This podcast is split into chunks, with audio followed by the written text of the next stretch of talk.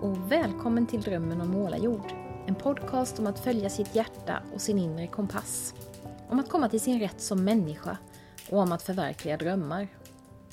Jag heter Maria Estling Wannestål och i podden möter jag personer som brinner för olika saker. Som har vågat lyssna inåt och känna efter vad som är viktigt för dem. Jag inspireras av deras berättelser och tankar och det hoppas jag att du också ska göra.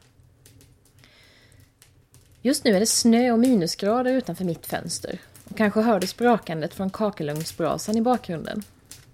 Den där varma augustimorgonen då jag träffade dagens poddgäst, den känns ganska långt borta.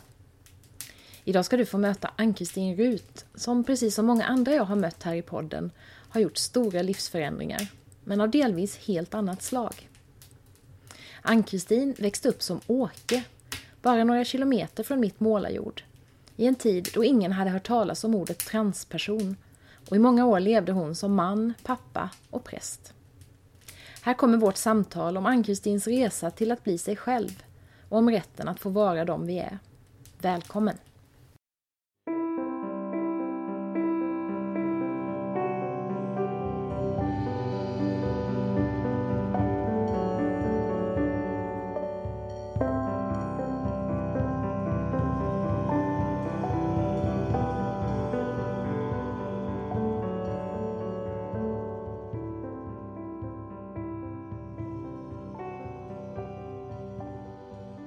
Poddens tema det är ju att följa sitt hjärta, att komma till sin rätt som människa. Och du har gjort en livsresa som eh, jag tycker knyter an väldigt bra till det. Men hur skulle du själv vilja knyta an till poddens tema? Ja, att följa sitt hjärta, eh, det ska man ju göra. Det är nästan lite mantra det där att man ska förverkliga sig själv och sådär. Mm. Jag var ju livrädd för mig själv, för mina innersta tankar och vad skulle det ta vägen? Kommer hela mitt liv att rasa samman? Mm. Och visste egentligen inte vad det innebar heller riktigt. Vad är det egentligen? Vem är jag? Mm. Eh, så det var ju först när jag bestämde mig för att, att, att pröva det som jag förstod att det här var jag. Så, så det handlar om hela, det handlar om hela, hela identiteten, inte bara en liten del av den utan... Det kan man säga, ja. Mm. Du har ju berättat i många sammanhang och många har lyssnat på dig. Men det finns ju också människor som inte vet så mycket om, om vem du är. Och, och mm. jag vet att det gjordes en dokumentär nu som jag missade. Jag upptäckte det någon halvtimme ja. efter att den hade slutat sändas. Så, så fick jag veta att den gick nu precis. Eh, men jag tänker för de som då inte vet så mycket om din resa, vad känner du att du skulle vilja berätta om den? Eller var, var skulle du vilja börja? Åh kära värld, var ska jag bara börja? Vill du börja redan i barndomen eller var? Jag kan ju börja då när, när, när det blev aktuellt för mig. Eh, och det var ju i tidiga tonåren. Mm. En del i min situation kan berätta att de redan i tidig ålder, 5-6 års åldern sådär, vet att de inte är det kön som barnmorskan tilldelade dem när de föddes. Och så var det inte för mig. Jag kan inte minnas det i alla fall, utan det var i tidiga tonåren som jag eh, då när könsidentiteten så att säga formas på allvar tror jag. Alltså att, att jag inte kände mig hemma med det. Jag längtade oerhört efter att få vara tjej istället. Och det skrämde mig jättemycket. Jag visste ingenting om, om, om sådana här saker. Nu befinner vi oss någonstans i mitten på 60-talet. Mm. Och HBTQ var en okänd förkortning. I, i, i lilla Rottne där jag växte upp fanns det inga homosexuella, det var vi nog rätt säkra på. I alla fall var det ingenting som vi överhuvudtaget pratade om. Och trans, ja transport kände vi väl till kanske. Men att, alltså det, det som idag talas om hela tiden, nästan känns det som ibland, mm. det var, det var ju okänt. Mm. Jag hade ingenting. På, på den enda svartvita tv-kanalen vi hade sändes ingenting om sådana här saker i Smålandsposten och lokaltidning. Där, där stod ju ingenting om detta. Jag visste ingenting. Och min mamma som jag då i min oro till sist ändå pratade med visste ju ingenting heller. Nej. Det fanns ju ingenting annat att göra än att försöka på något sätt leva med sig själv. Mm. Så du bar allt det här inom dig? Ja. Under alla år? Ja, kan man säga. Mm. Och vad jag bar inom mig, vad var det egentligen? Handlade det bara om att få klä sig som en tjej? Eller var det något mer? Och det visste jag inte säkert. Eh, eftersom jag aldrig har liksom på allvar prövat det. Nej. förrän jag verkligen gjorde det. Eh, eh, och det var också väldigt, väldigt skrämmande. Mm. Och, och jag skämdes förskräckligt över att jag var som jag var. Mm. Sådana här tankar fick man inte ha. Nej. I synnerhet inte. Jag växte upp i en kristen familj och, och, och, och, valde rätt tidigt att utbilda mig till präst och, och, och som kristen och präst, nej, men så här skulle man inte vara. Det, vi- det visste jag även om ingen sa något så, för som sagt det var inget det talades om. Nej, just det. Det, var, det låg så mycket under ytan så det, var, det, var, det fanns inte ens en diskussion Nej, nej, mot det. nej, man, Nej, jag bara förstod ju att jag var fel för så här var- ju inga andra människor, det visste jag ju. Mm. Med bestämdhet. Så du levde ju ett helt vanligt liv kan man ju säga under många år och ja, det gjorde jag tryckte undan det här. Ja. Mm. Mm. Vad var det som fick dig att bestämma dig för att bryta? Ja, det var nog en rad med faktorer tror jag. Mitt liv hade väl kommit till en punkt. Dels eh, att mina barn hade flyttat hemifrån sedan ett, en, en del år. Mina föräldrar levde inte längre. Eh, det, det var nog inget så att jag liksom tänkte att då när de inte finns i livet längre, då. Det tänkte jag aldrig medvetet Nej. faktiskt. Men, men det har säkert funnits med där, det tror jag ju väl. Och sen var det väl det att jag det har med min tro att göra, att jag blev mer och mer övertygad om, alltså förstod vad det innebär att Gud faktiskt älskar alla människor, också mig, som, som den jag är.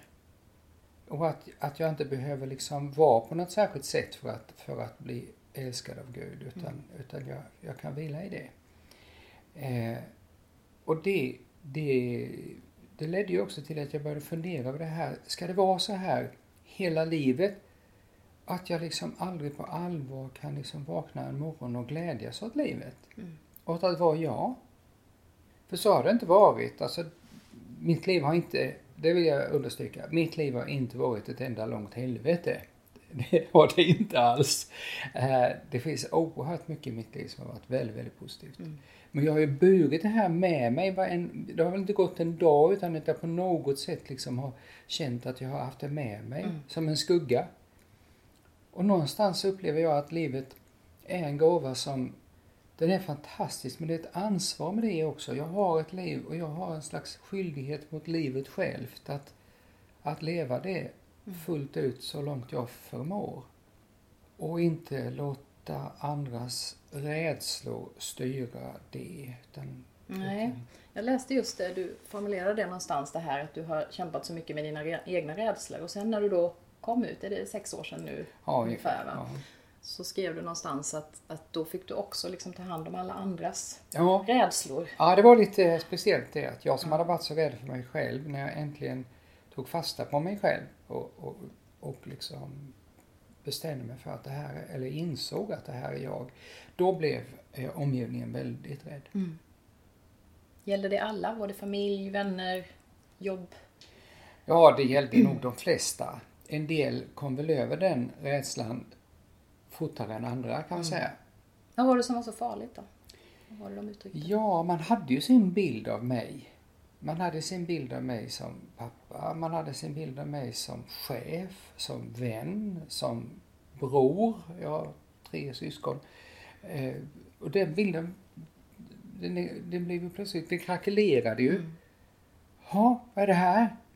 Det drabbade Mm. många där. Det blev en förvirring i det, Det där blev en också, att, förvirring, eh, ja. ja. ja, det. Och, och det, det är intressant här tycker jag att vi också är så vi måste på något sätt hela tiden kategorisera. Vi måste, och det, Ja. det är väl en överlevnadsstrategi Ja. för att vi, vi behöver det annars skulle vi få väldigt svårt att hantera världen. Men det är så intressant här tycker jag att man inte bara kan få vara människa utan att, att man måste liksom in i de här Ja. facken på något Mm. sätt också. Det, ja. Dina eller reaktionerna här på det som hände. Eh, din dotter har ju skrivit en Mm. bok. Min pappa Ann-Kristin. Där hon beskriver, jag har inte hunnit läsa den, jag vill väldigt gärna göra det men jag har inte hunnit göra det än. Men där hon beskriver just den här förvirringen och skammen och så. Hur var det för dig att läsa hennes bok? Var du involverad i den processen? Pratade ni om det liksom innan mycket? Ja, ja vi, Mm. prat, vi pratade om det. Mm. Eh, och, och hon sa ganska tidigt att hon skulle, sk- ville skriva det Mm. här. Och jag la inga hinder i vägen. Eh, jag läste manuset innan det publicerades. Och, och jag har inte än att ändra en stavelse i det. Nej. Det är ju bitvis en smärtsam läsning. Ibland gör hon mig lite helgonlik tycker jag kanske överkant. men, men, men bitvis är det ju också jobbig läsning. Mm. Men jag ville att det skulle vara hennes, hennes story.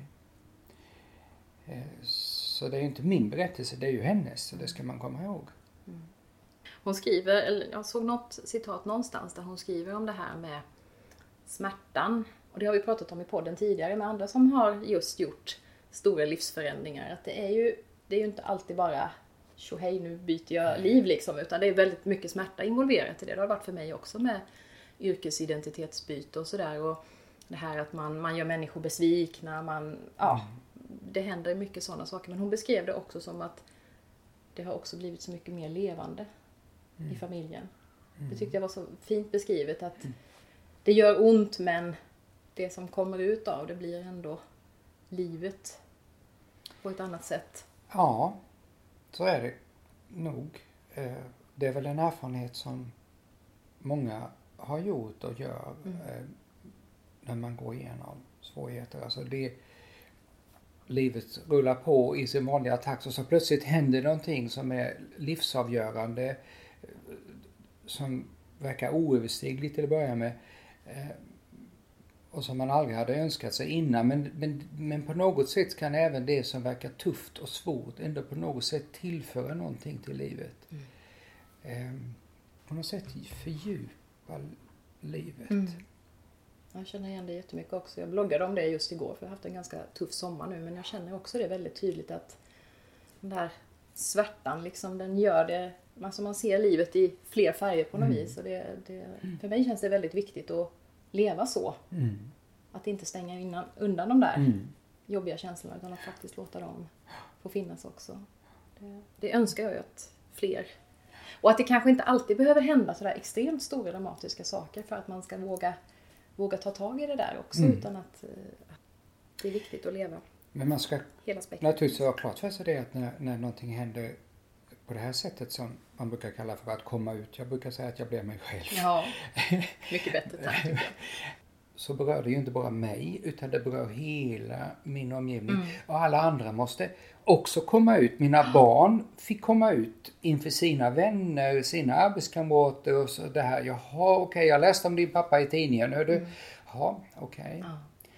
Och, och det, när det blev så omvälvande, då, då, jag brukar likna det vid, vid en, eh, en sorgeprocess. Mm. Det är en, det liknar det väldigt mycket för det är en chockfas. Mm. Vad är det här? Mm. Och så är det en reaktionsfas.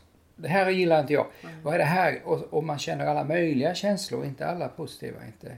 Och sen är det en omarbetningsfas i det. Eh, nyorientering och så. Mm. Vad händer nu? Så att eh, det är inte enkelt. Nej.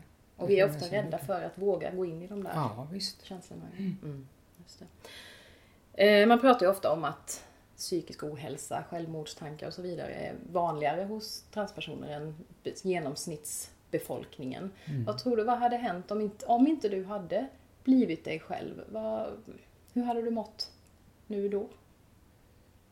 Det vet jag ju inte säkert, men jag hade ju perioder då jag, då jag mådde väldigt dåligt. Mm. Och sen tror jag att det påverkade mitt, mitt humör i allmänhet. Jag, jag var nog känd för att vara väldigt kort stubin. Mm. Och rusade upp lätt och, och, så här. Och tog ut min egen frustration på omgivningen. Och det tror jag är annorlunda för mig då. Mm. För att du inte har det där som du måste kämpa emot hela tiden. Ja, jag att du kan det. få lov att vara dig själv med. Mm. Mm. Och sen var det ju min liksom fruktan det var ju liksom, ska jag sitta där på hemmet, den här riktigt gammal, mm. och fundera över ja, jag skulle, varför Just. gjorde jag inte och sådär. Nej, jag ville inte hamna där. Nej. Eller, och det var också en sån där rädsla jag hade att det skulle på något sätt vara ett slags eftermäle om mig. Ja, jo men så var det ju det att, att eh, han, skulle de säkert säga då, mm. han han hade ju det där som han kämpade med. Ja. Det var det väl inte så många som visste om men det var, alltså det var mm. det där som man, man, man kan läsa om författare till exempel om man ska beskriva deras liv så ska man gärna, ja men var han det? Han var nog att han var homosexuell, det var ju inget som man talade om. Nej. Ja, typ så. Nej, just det. Mm. Så blir det liksom lite Mm. skvaller om det istället. Ja, då. Jag vet inte om jag tror att jag läste någonstans att det är så att det är fler män som, vi- jag läste det också någonstans att du skrev det, just det här, vad, vad ska man använda för ord? Liksom, du, du använder engelskans transition, Mm. som ju är ett, ett bra ord. Håller jag med dig om. Jag, jag har använt det i andra sammanhang då, när det handlar om hållbarhet och sådär. Då brukar man använda omställning som, Mm. som eh, begrepp på svenska. Men att det är fler män som blir kvinnor än kvinnor som blir män. Ja, det är väl det, det är väl den alla fall är det den bilden man Ja, det är har. den bilden man Ja. har. Därför att just transkvinnor, vilket är uttrycket då, du, har, du född tilldelades manligt kön när du föddes, men uppfattar dig som kvinna och lever Mm. som det, då är du en transkvinna. Och transkvinnor är medialt mycket mer spännande, förefaller det. Är det därför man hör så mycket mer ja, om det? det tror jag. Ja. Nu till så exempel sänder SVT, eller ska sända en serie om unga transtjejer. Transkillar är inte lika intressant. Nej. Vi går och betalar stora pengar för, eller ja, stora, dyra biljetter för att se män som klär ut sig till kvinnor i dragshow till exempel. Mm. Men mots, motsatsen är inte ett dugg intressant, förefaller det. Eh, och då får vi gärna intrycket att, att det är övervägande transkvinnor. Men så är det inte. Det är inte det, nej. Nej, det, är- det är ungefär 50-50. Mm. Jag, jag funderade också på, kan det ha att göra också med, till, till någon del, att, att det är lättare på något sätt att leva, alltså manliga normen är så mycket starkare så att det är lättare som kvinna att leva som man utan att gå hela vägen än det är för en man att leva som kvinna. För Ja. kvinnlighet, den är så manifesterad liksom i hur vi ser ut och hur vi beter oss och så. Att manligheten, det är liksom redan okej att vara ganska manlig som kvinna. För det måste man nästan vara om man ska bli VD på ett företag. Ändå, kan det ha någonting med det att göra tror Ja, men det tror jag. Mm. Eh, alltså, det lever kvinnor med. Eh, många kvinnor i alla fall lever med det. Att, att, eh, att ställs betydligt större krav på utseende och, Mm. och så. Det är liksom det. Och, det, och det lever ju transkvinnor med också. Mm. Eh, ja, vi har lättare att acceptera en, en spänsligt byggd eh, man än en kraftigt byggd kvinna. Ja. Alltså det är den bilden vi har. Det är den stereotypen vi har. Jag vill inte på något sätt förringa de svårigheter som transmän har att bli bejakade. Jag känner flera stycken transmän som Mm. inte alltid har det så lätt. Men, men jag skulle ändå vilja säga att det är kanske, det är nog ännu större påfrestningar Ja. eh, för, för transkvinnor. Därför att det man vill, det är ju att, alltså man vill passera som uttrycket är. Man vill inte, man vill inte synas, man vill inte att folk ska liksom vända sig om och glo. Nej, nej. Man vill smälta in. Mm. Och det tror jag är lättare för transmän än för transkvinnor. Du har ju bytt yrkesidentitet också Ja. i den här livsresan. Hur var det när du utbildade dig till präst? Hur mycket hjärta, hur mycket hjärna var det i det beslutet från början? Ja du, du det? det är en väldigt bra fråga. Jag var nog lite vilsen efter, efter gymnasiet. Mm. Jag tänkte bli musiker först och började på någon på musikskolan här i Växjö så fanns det någon sån förberedande utbildning man kunde testa lite. Insåg ganska snart att jag inte hade drivet. För ska man bli musiker då, då, då krävs det enorma insatser. Så vad skulle jag göra då? då? Ja, då blev det teologi. Var det, för, var det för att du hade den bakgrunden eller var det liksom ditt eget, din egen längtan i det? Eller vad? Ja, ibland tänker jag att det kanske var i brist på bättre Ja, alternativ. så blir det ibland också. Alltså som, som jag sa innan så, så är jag uppvuxen i kristen familj men, men jag har aldrig jag har aldrig känt att jag har blivit liksom på något sätt eh, tvingad in i, i, i det att läsa teologi. Jag hade en morbror som var präst men det var den enda i släkten. Och jag har aldrig liksom känt att liksom, jag var tvungen att fullfölja några slags förväntningar från mina föräldrar eller så. Nej. Så det har nog varit ett fritt val. Och jag tyckte det var spännande att läsa teologi. Mm. Eh, sen är det ju så att jag har många intressen i livet. Jag har liksom känt att jag kanske skulle göra det eller det. Men jag har ändå någonstans upplevt att kanske det var ändå det här Gud ville med mitt liv. Mm. Och jag har haft fantastiska år som präst. Jag har varit präst i nästan 40 år. Och det är enormt att kunna ha det så att man nästan aldrig, jag tror inte, det är inte många gånger som jag inte har velat gå till jobbet en morgon. Och ingen dag är den andra lik. Det har aldrig känts tråkigt. Nej. utmanande förstås, ofta. Otillräcklig har man känt sig många gånger. Men, men alltid meningsfullt. Ja. Var det någonsin en fasad att gömma sig bakom? Jag tänker med din bakgrund och det här liksom att normalisera och inte, inte släppa ut dig själv som kvinna. Fanns det något i det liksom Ja, som ja. gjorde att du... Ja men alltså, jag vet inte om jag ska uttrycka det så att jag gömde mig bakom en fasad utan snarare var det väl kanske så att det verkade återhållande på mig. Ja. När jag under min process, ja då träffar man psykologer och psykiatriker och sådär. Och det, jag, minns, först- jag träffade till början med en psykolog som skulle göra någon slags utredning och jag frågade henne hur kan det vara att man kan hålla undan det här i hela sitt liv? Ja. Ja, hennes enkla svar var starka försvar. Ja. Och det är klart att är du präst och så, då för det med sig att du, du har väldigt starka försvar. En präst får inte vara på hur som helst. Nej.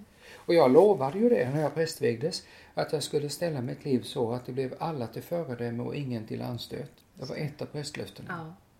Och det liksom bar jag ju med mig och det, och det verkade ju oerhört återhållande naturligtvis.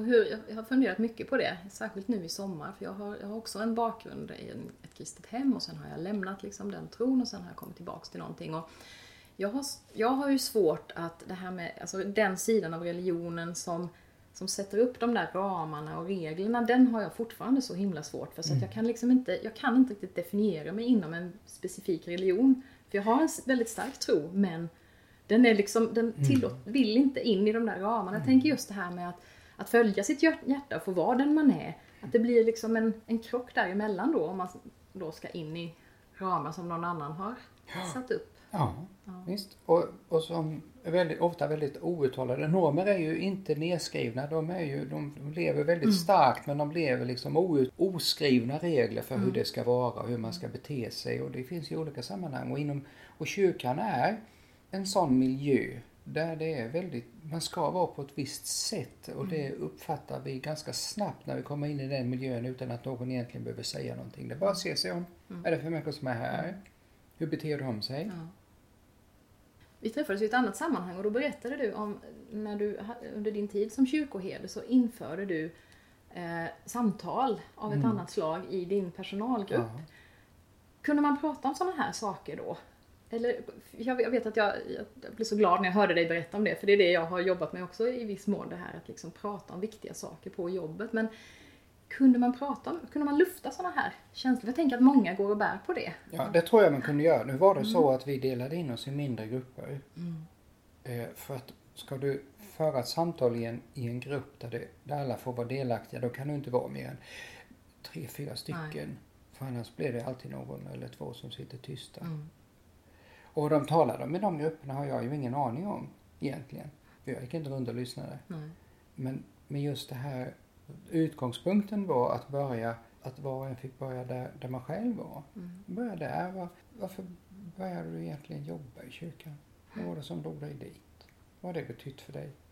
Och det har ju slagit mig genom åren. Att är det någonstans som man inte talar särskilt mycket om tro så är det i kyrkan. I kyrkan. I, kyrkan, i, i, i medarbetargrupperna. Ja. Inom andra organisationer när man sysslar med någonting så talar man väl om det hela tiden, om det som man håller på med. Precis, är. värdegrundsarbete eller så. Ja, eller vad, vad är det vi, och hur kan vi utveckla den här verksamheten och Ja. varför jag håller vi på med det här och vad är det viktigt sådär. Ja.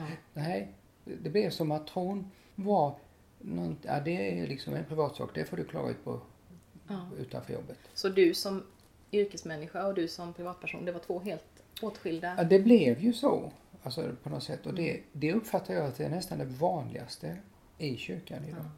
Och det tror jag är, det här kan jag prata mycket om, men, Ja. det, för det, men det tror jag är ett skäl till att, att det tyvärr alldeles för ofta kan jag säga blir en dålig arbetsmiljö inom kyrkan. Där, där tror jag många har tvärtom den förväntningen att där ska det ju verkligen vara en bra arbetsmiljö.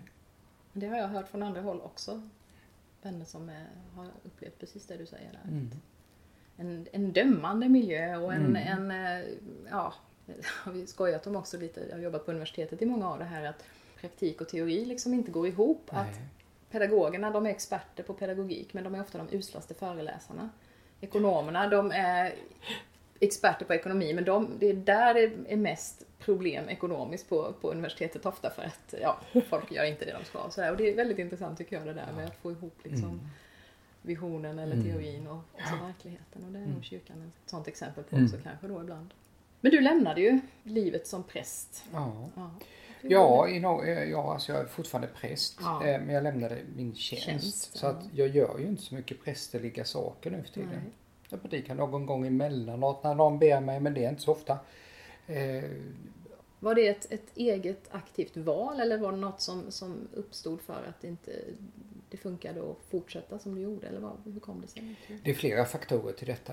Eh, En faktor var att vi genomförde en stor omorganisation Mm. där eh, man slog ihop eh, ett antal pastorat som det heter. Mm.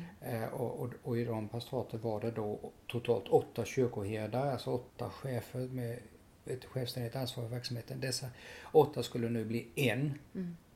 Och det var alldeles tydligt, det var- framgick från början att, att min kyrkoherdetjänst, den skulle försvinna. Mm. Vad skulle jag göra istället?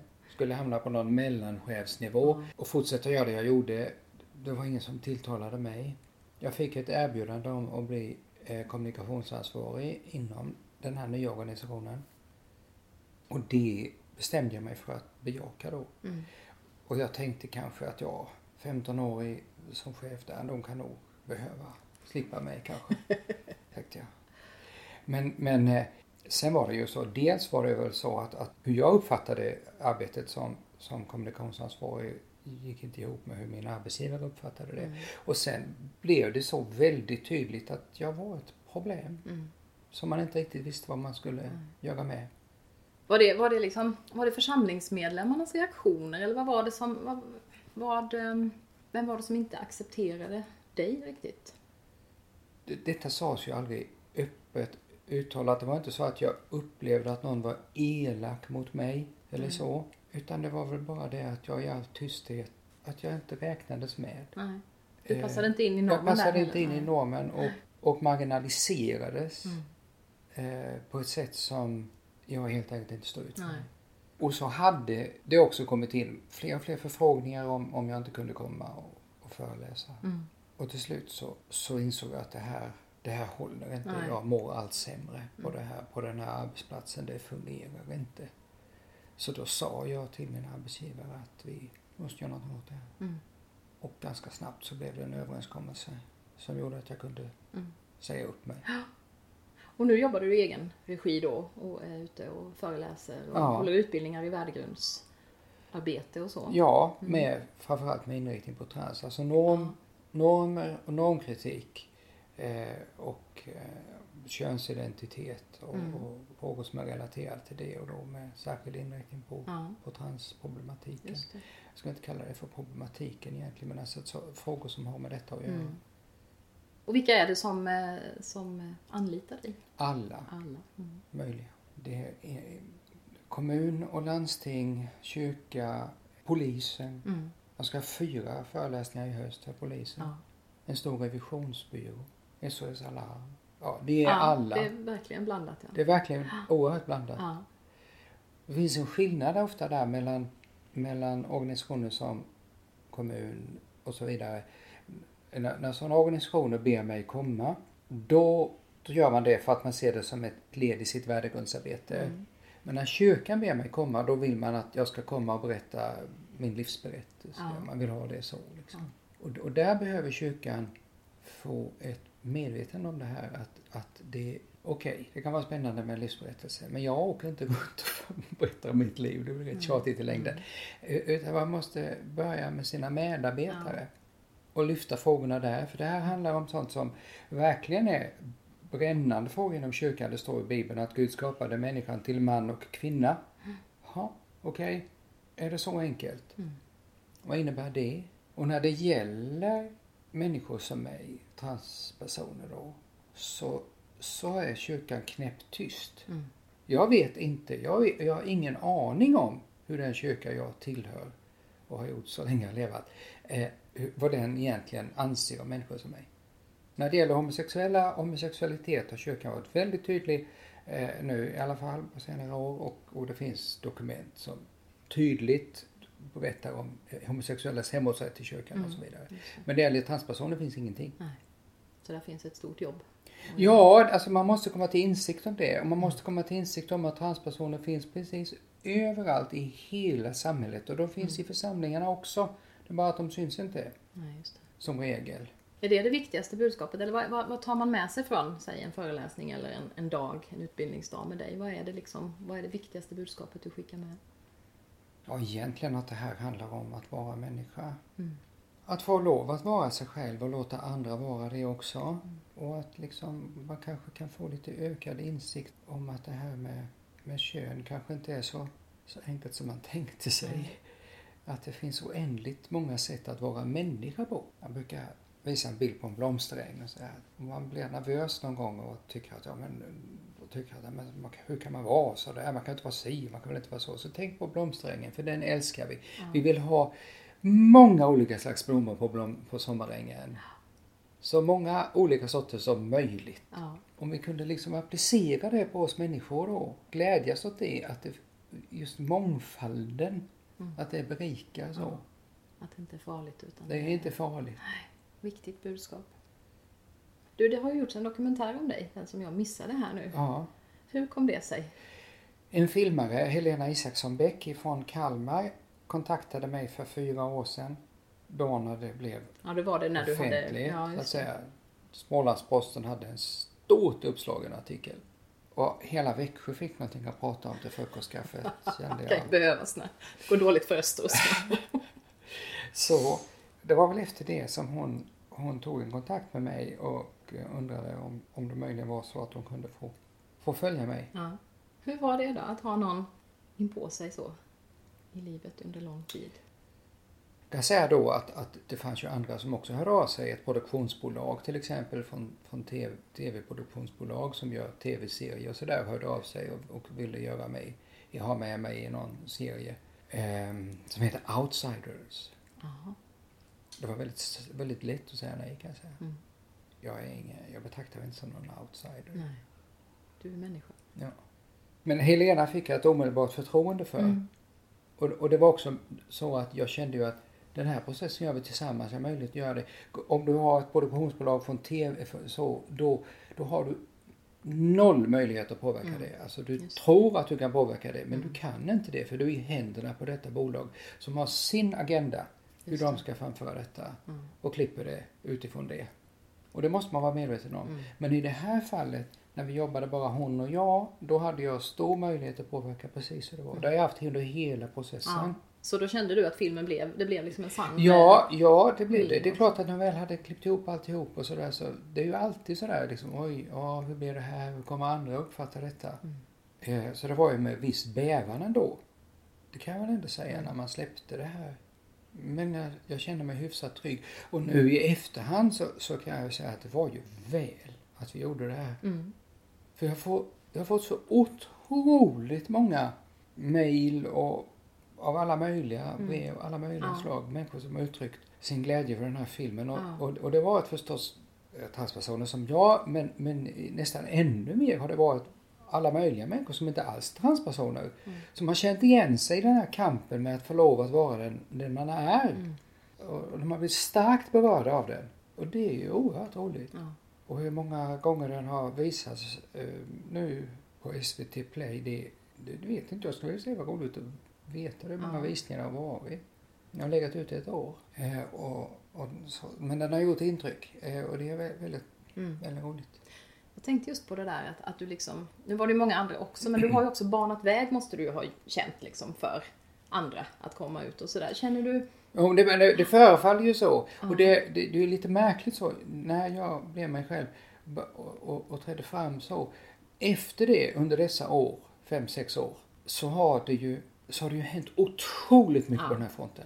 visst, Och det har blivit en enorm mycket större medvetenhet om att, oj, jaha, just det. Och, och vi upptäcker att, som, som jag sagt tidigare, att transpersoner finns precis överallt. En rektor trädde fram i Skavlan och berättade sin, sin livshistoria. Och det kommer mer fram i offentligheten. Och vi ser människor på, på film som faktiskt är transpersoner och agerar som det också på film. Vilket är rätt ovanligt, men de förekommer ju nu. Jag såg The Danish Girl här med mina döttrar för ett par veckor Ja, sedan. det var ju tyvärr ingen transperson som hade huvudrollen i Nej. den. Men, eh, men du kan ta Laverne Cox till exempel i Orange is the new Mm. black och du Mm. kan ta. Saga Becker som gjorde en fantastisk insats i filmen Någonting måste gå Mm. sönder. Jag hörde en jättefin intervju med henne här sistens. Känner du någonsin press av att vara den här förebilden och vägvisaren? Jag känner mig inte som någon förebild. Alltså det är, kan jag ge lite moraliskt mod och kraft till, till någon annan vä- väl an, då är det Mm. väl bra. Eh, men det känner jag inte någon, någonting att jag måste leva upp till Nej. någonting på det området. Men det är ju, det ska man ha klart för sig att vara transperson innebär att du ständigt är medveten om att du är annorlunda, att du avviker från normen. Även om inte människor är elaka mot dig så, så vet du det. Varje gång du går ut genom dörren så vet du det. Att du är ett objekt i människors Mm. betraktande. Mm. Och det tror jag till exempel andra också kan uppleva. När någon som sitter i, i rullstol till exempel. Mm. Visst, Så fort man avviker från vilken norm Ja. som helst egentligen. Och jag, jag kan bara föreställa mig att är du rullstolsburen till exempel så är det väl inte alla dagar som du överhuvudtaget känner att du vill gå utanför dörren. Mm. För det är för jobbigt. Mm. Att hela tiden bli iakttagen, hela tiden bli glodd på. Mm. Så är det ju. Alltså, jag brukar jämföra ibland med att vara homosexuell. Det är inte så enkelt att vara homosexuell heller, inte ens i Sverige idag. För det finns for- fortfarande väldigt mycket fördomar Mm. och så kvar. eh, Föreställningar. Men du kan vara homosexuell och, och leva ett vanligt liv utan att någon har en aning om det. För det syns faktiskt inte på utsidan. Men att vara transperson och leva det livet, det, går, det, det syns. Det går inte att dölja det. Det går bara inte att dölja det. Mm. Och det gör också att väldigt många transpersoner mår, mår psykiskt dåligt. Eh, det finns det undersökning på undersökning som bekräftar det. Mm. Där, där självmordsförsöken och också genomförda självmord är, är betydligt fler i den här gruppen än Mm. i folkflertalet. Så att säga. Mm. Och många transpersoner lever socialt isolerade liv. Man Mm. deltar inte i socialt liv. För det blir som påfrestning så fort man... Ja, man går inte på gym till exempel. Mm. Där det är så fysiskt nära allting. Mm. Men vi har ju många sådana platser där vi är så könsuppdelade. Jag har varit så frustrerad över det också. Alltså, att köpa plåster till barnen. Plåster flicka, plåster pojke.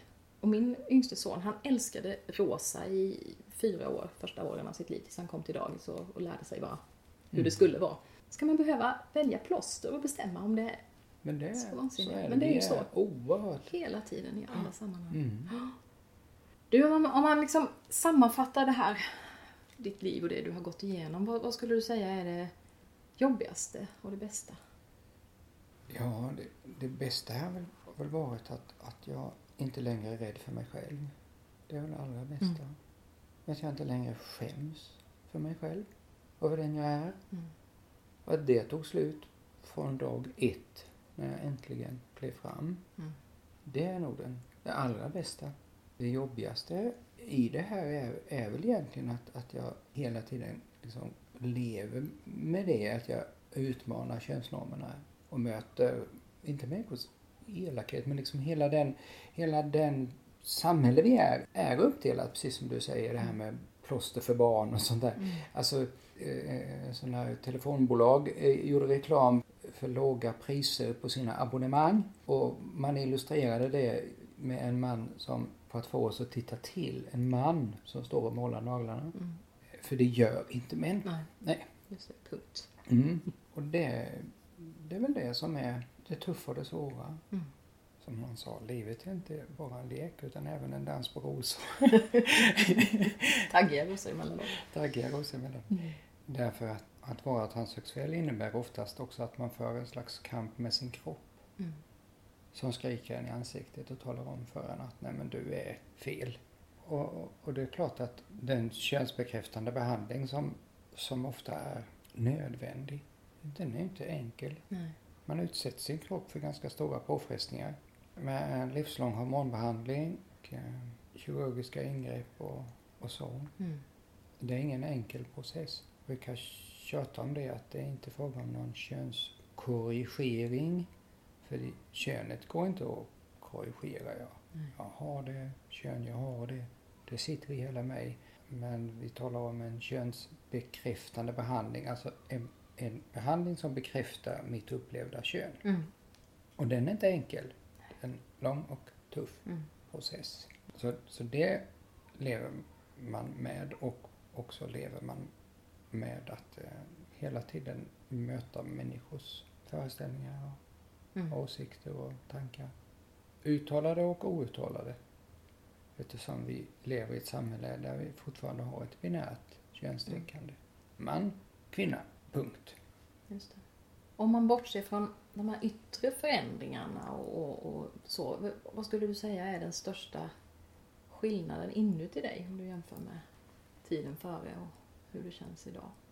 På vilket sätt är du annorlunda inuti? Det är nog det här att jag inte skäms för mig själv längre. Att jag, alltså jag upplevde nog för att jag kände det som att jag spelade lite teater. Mm. Ja, man kan ju säga att jag har stått på en scen hela livet genom att, man, eh, genom att jag arbetat som präst och du- hela tiden inför människor, du ska säga någonting. Och, och ibland har jag haft just den där känslan av att jag liksom inte riktigt har varit, att det, att det varit lite teater i det på något sätt. För att jag har vetat att det finns en sida av mig som jag inte öppen med. Mm. Eller ansåg mig kunna vara öppen med och som jag skämdes förskräckligt för. Och det, så är det ju inte längre. Nej. Utan det är nog det som är inuti mig den viktigaste, den viktigaste förändringen. Mm. Att jag kan få lov att vara stolt och glad över mig själv. En trygghet. Ja, det är en Mm, trygghet, så. det är det Mm. verkligen. Mm.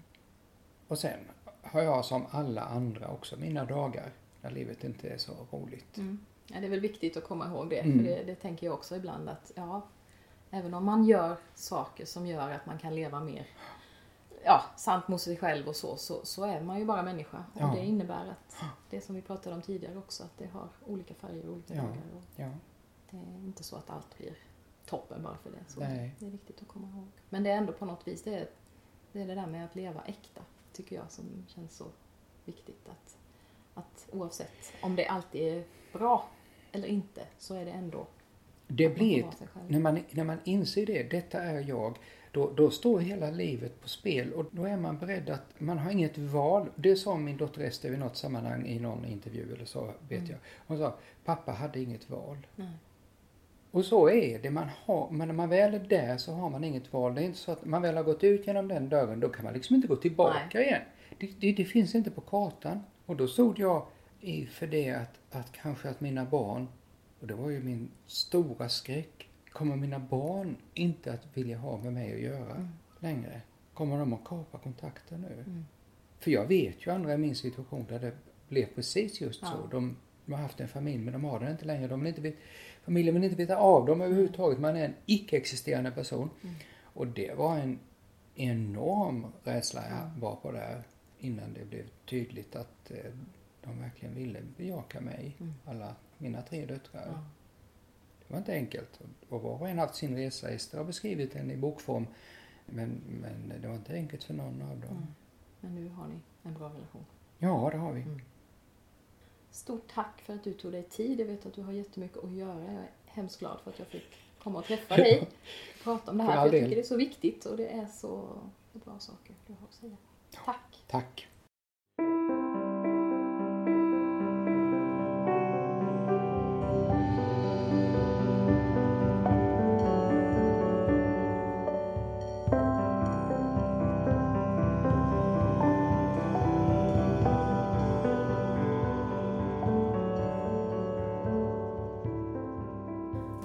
Alltså Ann-Kristin Rut och du som vill veta mer kan kika in på www.acruuth.se.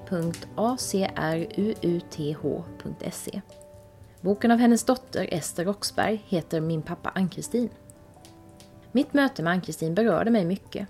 Att växa upp och vara rädd för den man innerst inne känner att man är. Att inte ha andra att prata om sina känslor med. Att under så många år förneka en sån central aspekt av sig själv. Det går inte ens att föreställa sig. Vi har pratat en hel del om kön och identitet i vår familj genom åren. Och mina döttrar har ofta varit minst lika upprörda som jag över allt ifrån könsuppdelade klädavdelningar till lillebrors möte med förskolebarn som inte tyckte att det var okej att som han klä sig i klänning och rosa tröjor. En dag kom Maja, som är en av mina poddgäster i avsnitt 27, hem och berättade att hon hade haft ett samtal om könsnormer med några yngre barn på sin skola. Så glad jag blev. Jag är också väldigt glad att bo i en stad där det finns ett stort engagemang för hbtq-frågor. Växjös Pride-parad, som hela familjen brukar gå med i, är faktiskt en av de allra största i landet och en helt underbar manifestation för allas rätt att vara den man är och älska vem man vill. Om du som lyssnar inte har gått med i en Pride-parad kan jag verkligen rekommendera dig att göra det. Samtidigt som det såklart har hänt otroligt mycket på den här fronten sedan Ann-Kristin växte upp i Rottne på 1950-talet så finns det ju fortfarande massor med rädslor, normer och fördomar att arbeta med. Så tack och lov att Ann-Kristin och andra oförtrutet jobbar vidare med att berätta, förklara och diskutera. Jag längtar efter en värld där ingen någonsin överhuvudtaget funderar över vilket kön en person tillhör, där vi alla bara är människor. Tack för att du har lyssnat idag och välkommen tillbaka till nästa avsnitt där du ska få träffa systrarna Karin och Anna Bengtsson. De är mina hjältar efter att under en hel sommar ha elcyklat från Ystad till Umeå för att intervjua vardagshjältar. Människor som på olika sätt jobbar för en bättre värld, men ofta i det tysta. Resultatet av deras resa blev podden Hjältarna som jag sträcklyssnade på. Nu har det gått ett par år sedan den där resan och jag fick möjligheten att träffa Anna och Karin för att få veta mer om hjältarna och livet därefter.